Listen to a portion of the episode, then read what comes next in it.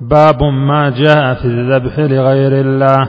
وقول الله تعالى قل إن صلاتي ونسكي ومحياي ومماتي لله رب العالمين لا شريك له وبذلك أمرت وأنا أول المسلمين.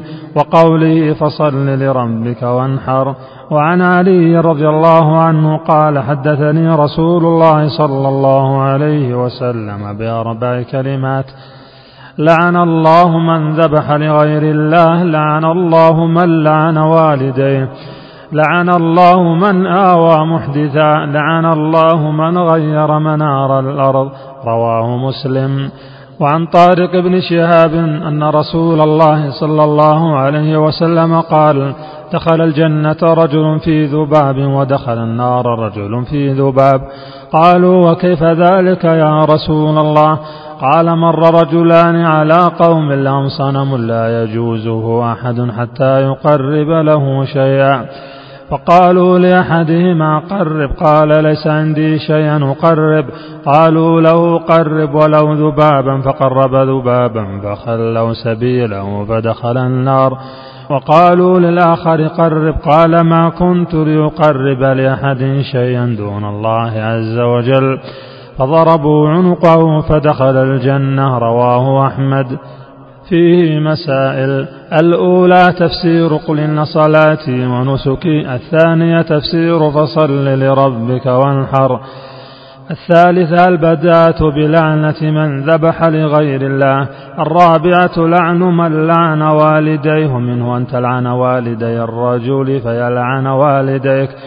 الخامسة لعن من آوى محدثا وهو الرجل يحدث شيئا يجب فيه حق الله فيلتجئ إلى من يجيره من ذلك. السادسة لعن من غير منار الأرض هي المراسيم التي تفرق بين حقك وحق جارك من الأرض فتغيرها فتغيرها بتقديم أو تأخير. السابعة الفرق بين لعن المعين ولعن أهل المعاصي على سبيل العموم الثامنة. هذه القصة العظيمة وهي قصة الذباب. التاسعة كونه دخل النار بسبب ذلك الذباب الذي لم يقصده بل فعله تخلصا من شرهم. العاشرة معرفة قدر الشرك في قلوب المؤمنين كيف صبر ذلك على القتل ولم يوافقهم على طلبهم.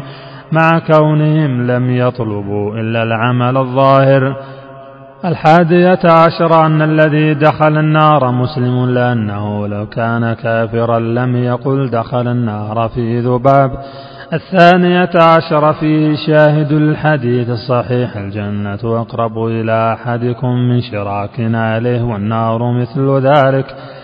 الثالثة عشر معرفة أن عمل القلب هو المقصود الأعظم حتى عند عبدة الأوثان.